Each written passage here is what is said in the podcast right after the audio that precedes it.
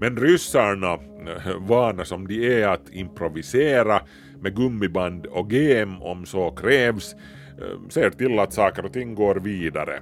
Trafiken till och från stationen börjar skötas med hjälp av de gamla men pålitliga Sajus-raketerna. 10, 9, 8, ignition sequence start. 5, 4, 3, 2, 1, 0. Quantum leap. Saut quantique. Salto quântico, salto quântico, salto quântico. Quantismo. Salto quântico. salto quântico. salto quantico. Kvantum. det du inte visste att du ville veta. Det finns ett hus i skyn, 400 kilometer ovanför ditt huvud. Ett hus som är stort som en fotbollsplan. Det flyger med en fart på 25 000 kilometer i timmen. I det här huset går solen upp och ner 16 gånger varje dygn. Tänk om du skulle säga det här åt någon från 1600-talet till exempel. De, de skulle ju vilja bränna dig på bål. Men det är sant hur som helst. Jag talar förstås om internationella rymdstationen som på många sätt en till och med större bedrift än månflygningarna. Från månen kom vi ju hem utan att återvända, åtminstone inte ännu, men internationella rymdstationen har blivit människans bestående utpost i rymden. Ett gemensamt projekt för oss alla att vara stolta över. Om det här ska Kvanthopp handla om den här gången. Jag heter Markus Rosenlund, spänn fast säkerhetsbältena för nu flyger vi.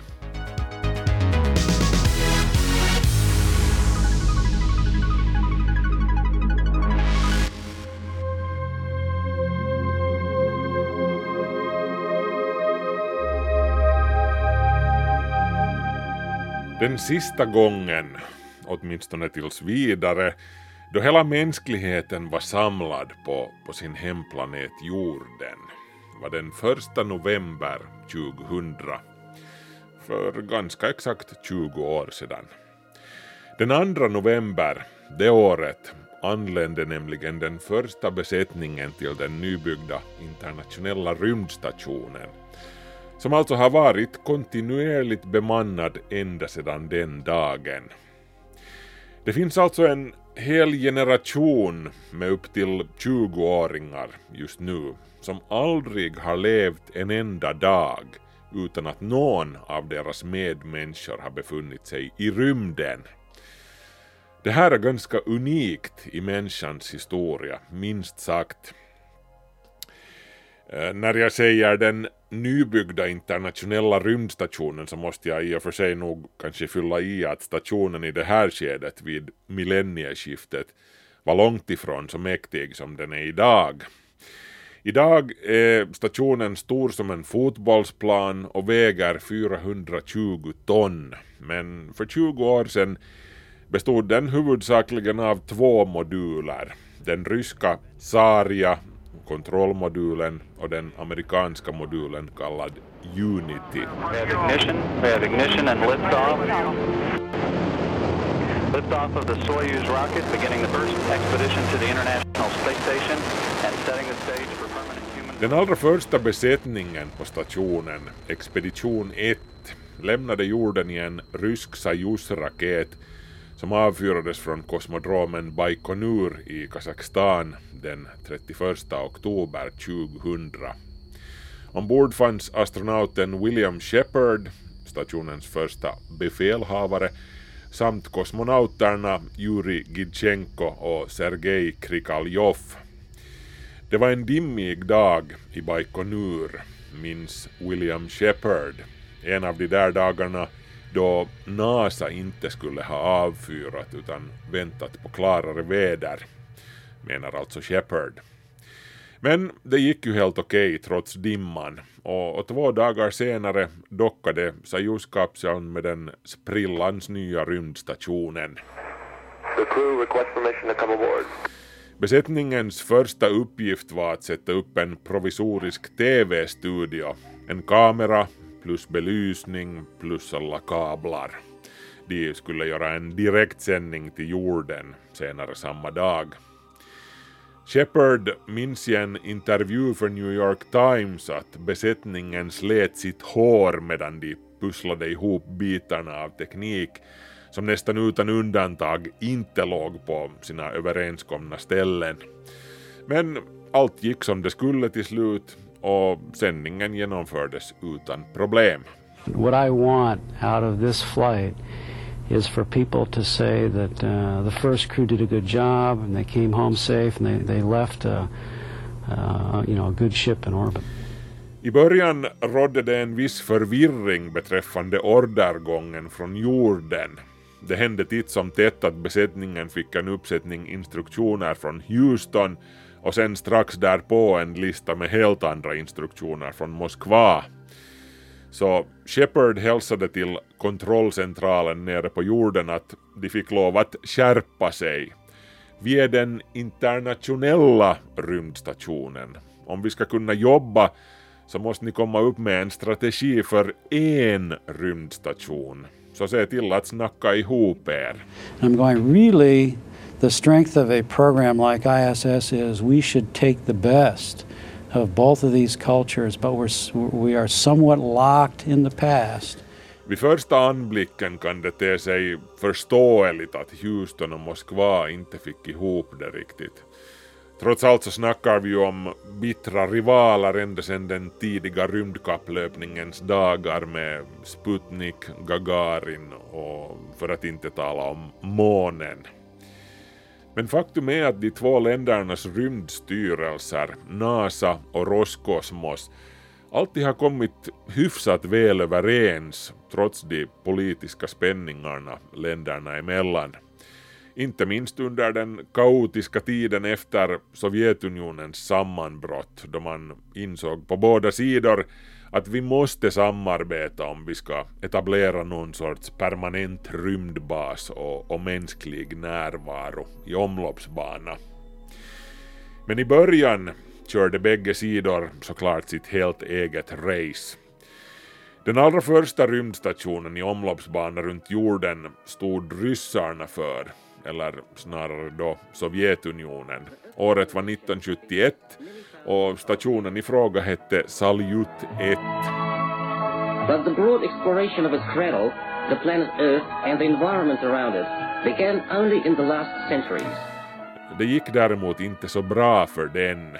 Först lyckades besättningen inte ta sig in i den och den besättning som lyckades med det ett halvt år senare förolyckades då de återinträdde i jordens atmosfär. I Nalles sköts det upp ytterligare sex stycken salutstationer med varierande framgång och livslängd. Eh, salut Saljut 7, den sista i ordningen, sköts upp 1982 och togs ur bruk 1991. Men saljutstationerna var ju såklart alla mycket mindre och anspråkslösare än vår tids internationella rymdstation. The Soviet Union, with its high technology, directs its efforts to use the near space for people's benefits. Amerikanernas första bemannade rymdstation var Skylab som skickades upp 1973 på en modifierad månraket, en Saturn V bärraket som hade blivit över från Apollo-programmet. Totalt hann Skylab vara bemannad i 171 dagar. Den var känd bland annat för att vara den första rymdstationen med en dusch installerad. Att duscha i tyngdlöshet är inte helt utan sina egna små utmaningar. Det var tänkt att Skylab skulle få kretsa runt jorden ända in på 80-talet tanken var att man skulle skicka upp en rymdfärja som knuffade den till en högre omloppsbana an eftersom det behövdes. Men på grund av diverse strul på jorden så hann rymdfärjan inte bli klar i tid och Skylab störtade ner i atmosfären 1979. Skylabs dödsdykning var för övrigt en enorm mediahändelse över hela världen då man spekulerade i var den skulle trilla ner om någon skulle få den i nacken. Det såldes t-shirts och hattar med måltavlor på och anti-Skylab spray med pengarna tillbaka-garanti bland annat. Delar av stationen trillade sist och slutligen ner över det glest befolkade västra Australien. Kommunen Esperance skickade en skämtsam städnota på 400 dollar till NASA. Well, I thought we were, you know, dead for sure. It's, uh, it's one thing I'll never forget. Uh, apropå Saturn 5-raketen som Skylab alltså sköts upp på, den härstammade alltså från Werner von Brauns ritbord. Det var, det var just Werner von Braun som var en av de allra första tillsammans med science fiction-författaren Arthur C. Clarke som föreställde sig en rymdstation i omloppsbana runt jorden. 1954 publicerade von Braun en artikel på temat i tidskriften Colliers. This advanced base, or space station, will be headquarters for the final ascent to the moon. Our space satellite will have the shape of a wheel. Där beskrev han en stor cirkelrund rymdstation på 75 meter i diameter som eh, roterade runt sin egen axel. Eh, rotationen skulle skapa en konstgjord gravitation med hjälp av centrifugalkraften. Ombord på stationen skulle en besättning på 80 personer jobba, inklusive astronomer, meteorologer och militärens spanare. Von Braun föreställde sig också att framtida expeditioner till månen och Mars skulle starta från den här stationen. Men den tekniska utvecklingen, inte minst uppfinnandet av transistorn, såg till att utvecklingen gick in på ett helt annat spår. Istället för stora bemannade spanings-, kommunikations och vädercentraler i skyn eh, blev det de små obemannade väder och spionsatelliterna som tog över på 50 och 60-talet. USAs månprogram gick dessutom in för en teknik som inte krävde en servicestation i omloppsbana runt jorden. Det var raka spåret till månen som gällde för Apollo. Men även om Werner von Braun inte fick se sin rymdstation förverkligas så, så var det ju som sagt hans raket, Saturn V, som gjorde månfärderna möjliga. Så han klagade knappast, om vi säger så.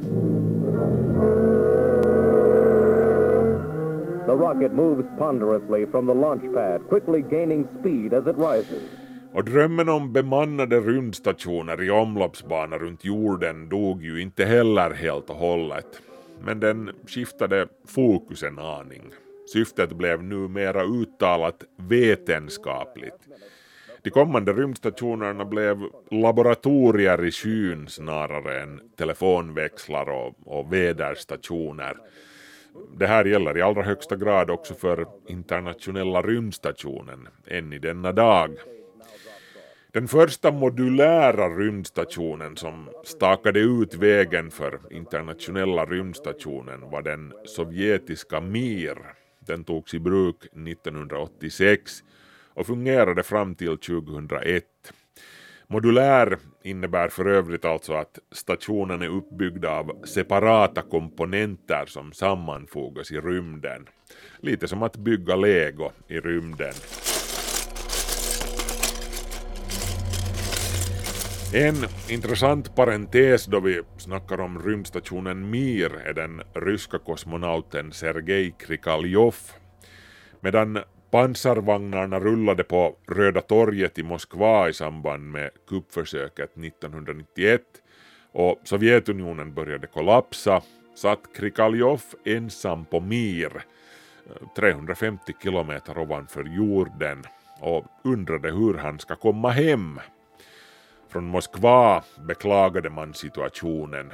Nu är det så att kassan är tom så vi har inte råd att flyga upp och hämta ner dig riktigt ännu, så är du, är du vänlig och, och stannar ett tag till. Nå, det slutade med att Krikaljov tillbringade tio månader på Mir, dubbelt längre än planerat. Eh, ryssarna fick till slut råd med att skicka upp en Sajus när Tyskland betalade 24 miljoner dollar för att flyga upp en av sina egna, Klaus Dietrich Flade, för att avlösa Krikaljov på Mir.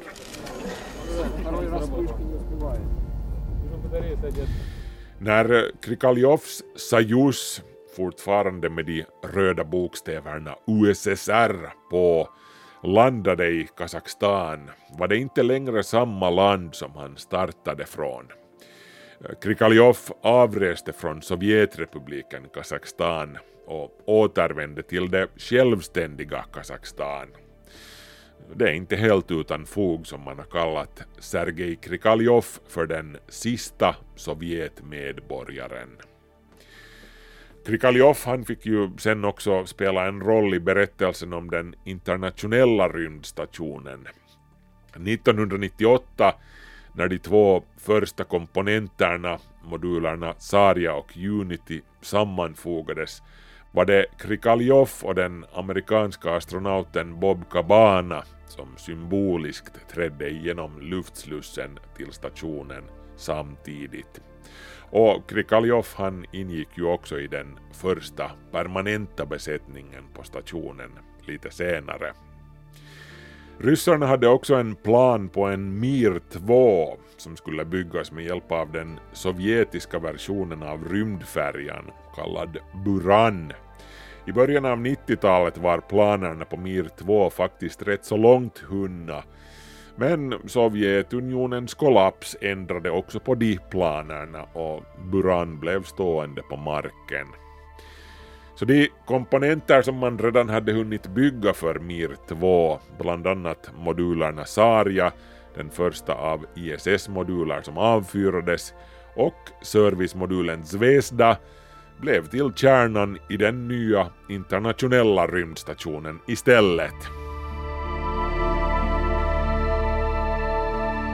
Du lyssnar på Kvanthopp där vi tittar närmare på den internationella rymdstationen som nu i dagarna har varit bemannad i exakt 20 år.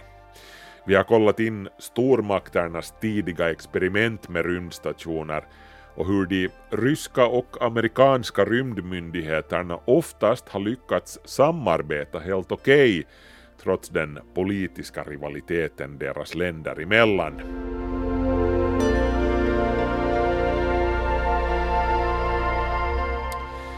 Samtidigt som ryssarna höll på med Mir hade amerikanerna hållit på och filat på sin egen version på temat, en rymdstation med arbetsnamnet Freedom. President Reagan utannonserade Freedom-projektet i sitt State of the Union-tal 1984. Tonight I am directing NASA to develop a permanently manned space station and to do it within a decade. En fullfjädrad rymdstation i omloppsbana sågs av NASA som nästa logiska steg nu då rymdfärjan var i bruktagen. Den första rymdfärjan Columbia steg mot skyn från Kennedy Space Center i Florida den 2 april 1981. Freedom, som skulle byggas uttryckligen med hjälp av rymdfärjan, var ett samarbetsprojekt mellan USA och deras kanadensiska, europeiska och japanska partners. Men Freedom-stationen fick aldrig riktigt luft under vingarna. Den led av kroniska förseningar och budgetöverskridningar. Och när vi kommer till 1993 så börjar det gå upp för alla inblandade på bägge sidor av Atlanten att det är ett slöseri med tid och pengar att planera flera stora separata rymdstationer.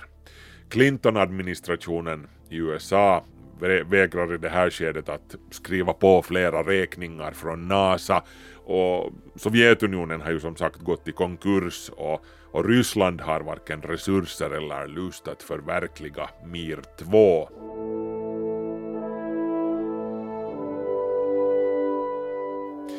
Så NASA och Roskosmos fattar ett beslut att slå ihop sina påsar. Historiskt ögonblick också det här.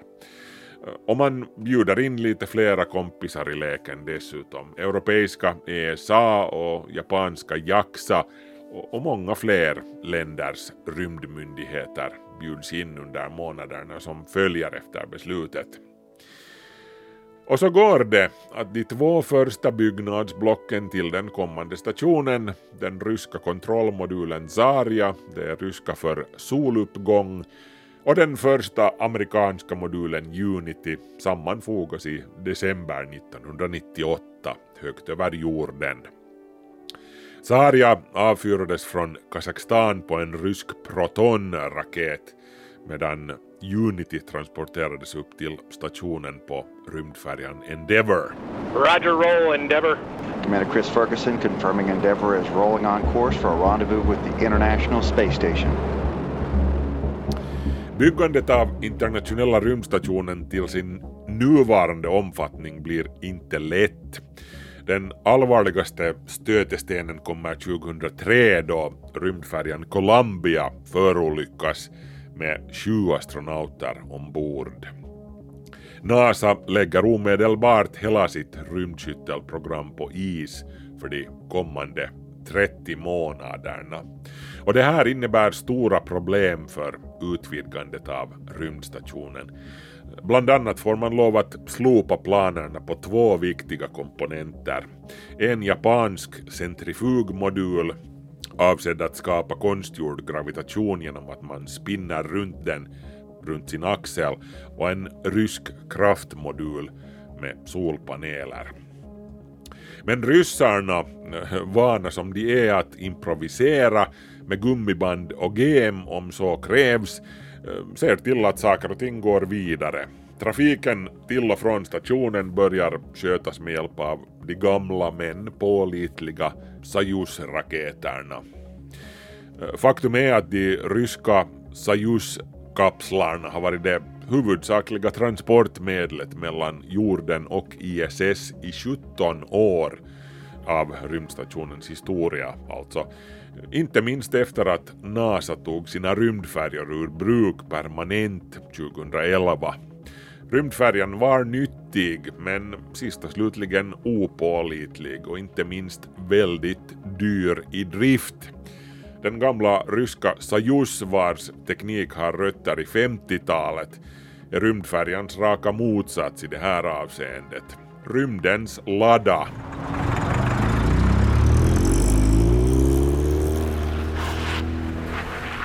Men å andra sidan så får man inte heller underskatta betydelsen av den amerikanska rymdfärjans massiva lastkapacitet.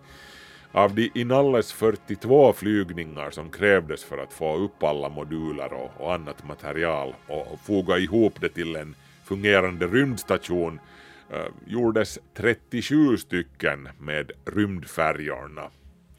Resten gjordes med ryska Proton och Soyuz-raketer. Men persontrafiken är en helt annan femma. Det är inte förrän helt nu på sistone som USA igen har börjat få igång någon sorts förbindelse till internationella rymdstationen från egen mark i och med det privata raketbolaget SpaceX och deras Crew Dragon-kapsel som helt nu i dagarna faktiskt ska göra sin första officiella tur med astronauter till stationen. En bemannad provflygning till ISS gjordes i maj 2020 och den förlöpte helt utan problem. Liftoff of the Falcon 9 and Crew Dragon. Go NASA, go SpaceX, Godspeed, Bob and Doug! Beträffande själva internationella rymdstationen så så har den alltså kretsat där uppe de senaste två årtiondena, drygt 400 kilometer ovanför våra huvuden, huvudsakligen utan någon större dramatik. En och en halv timme tar det för den att fullborda ett varv runt jorden. Det här innebär 16 soluppgångar och solnedgångar varje dygn. Varje dag färdas ISS en sträcka runt jorden som inalles motsvarar en tur och returresa till månen. Och det är alltså 400 000 kilometer dit ut och, och 400 000 tillbaka. Och som sagt, för det mesta har det gått utan problem för rymdstationen.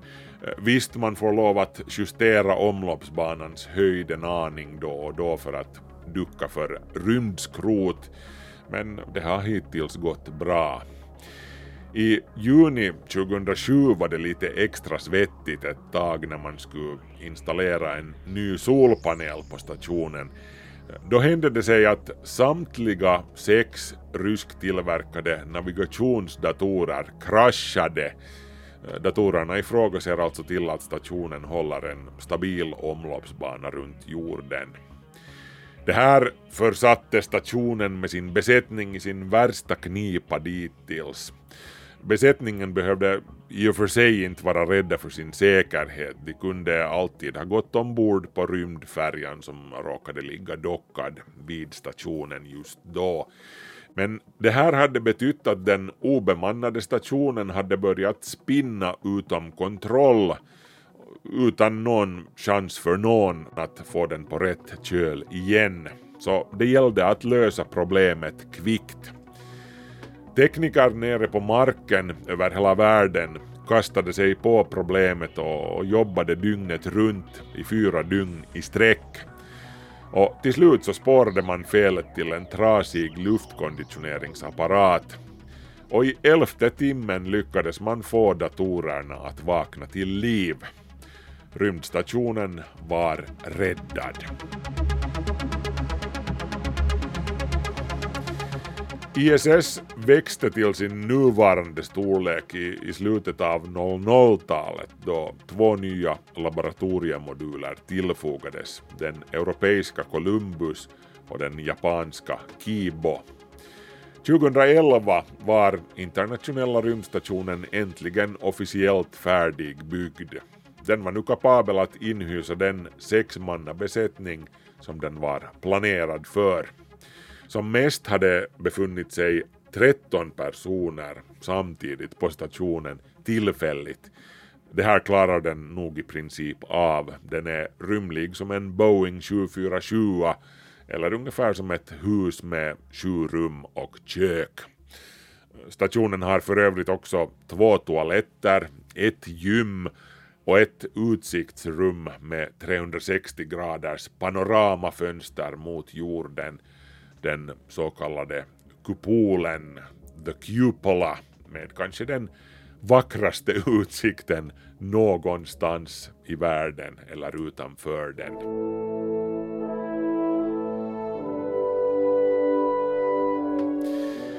–2011 var också året då stationen blev försedd med sin kanske viktigaste vetenskapliga hårdvara, partikeldetektorn AMS Alpha Magnetic Spectrometer som bidrar till att utvidga vår kunskap om universums ursprung. Instrumentet i fråga levererades av den sista rymdfärjan Endeavour på sitt sista uppdrag. That space station assembly mission was perfect from start to finish and uh, a lot of that was Endeavour. It just phenomenal vehicle. Internationella rymdstationen byggdes som ett laboratorium i rymden och, den rollen har den spelat galant.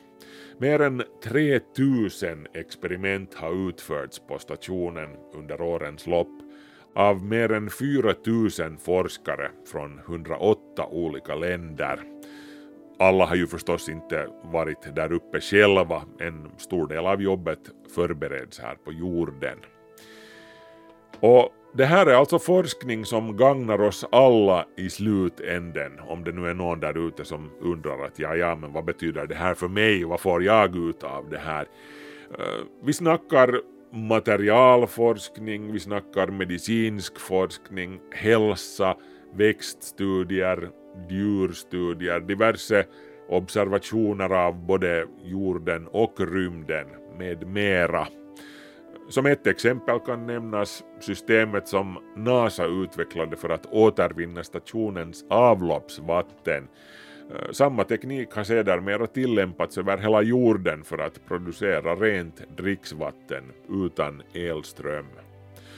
Också många innovationer inom kirurgin, inklusive superexakta kirurgiska instrument, har utvecklats med hjälp av rymdstationen.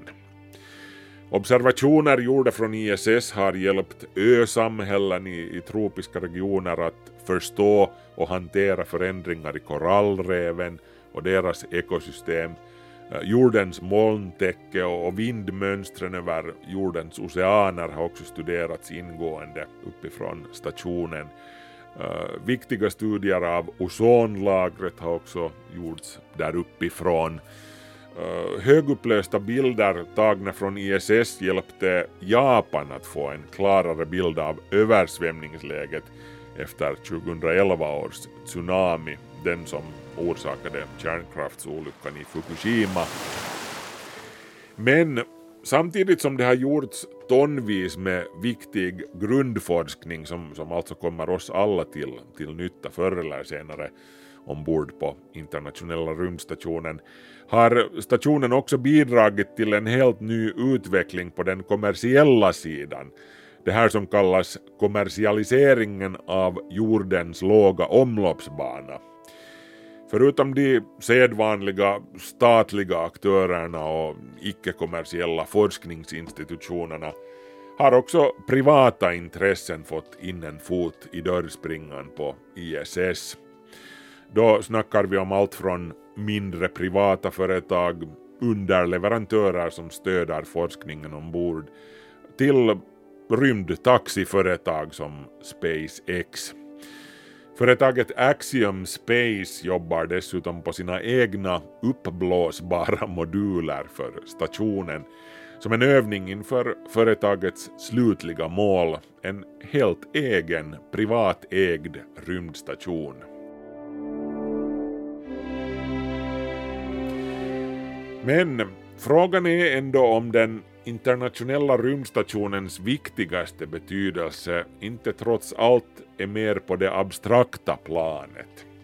Michael Suffredini, som var chef för NASAs rymdstationsprogram på 00-talet, konstaterar på NASAs webbplats att ISS har normaliserat människans närvaro i rymden som Suffredini säger så finns det en hel generation av 20-åringar idag, inklusive hans egna barn, som har vuxit upp i en värld där det under varje given stund finns människor som lever och arbetar i rymden. För den här generationen kommer det att vara fullkomligt naturligt att rymdsektorn växer och ett helt ekosystem av rymdstationer byggs med allsköns kommersiell, industriell och vetenskaplig fokus. Och hej, glöm inte rymdturismen som just nu befinner sig i startgroparna. Också här var internationella rymdstationen först ute.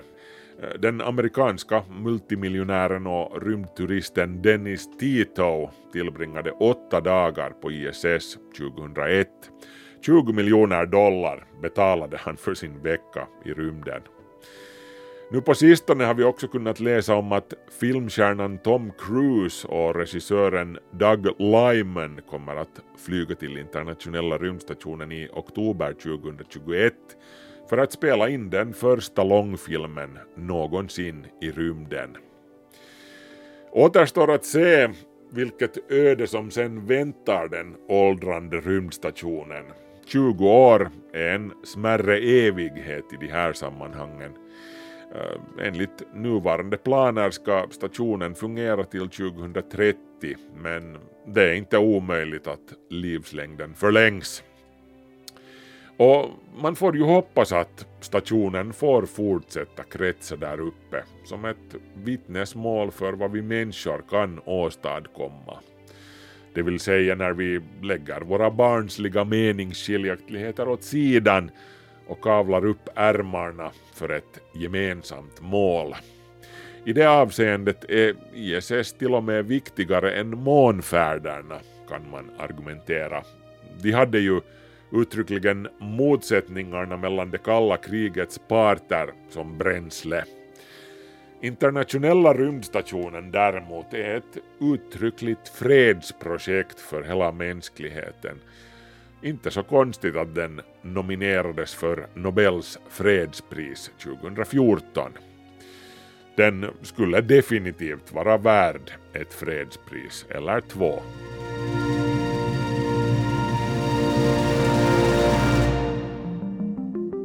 Var inte ledsna, Neil Armstrong och grabbarna, ni är nog också fortfarande mina hjältar.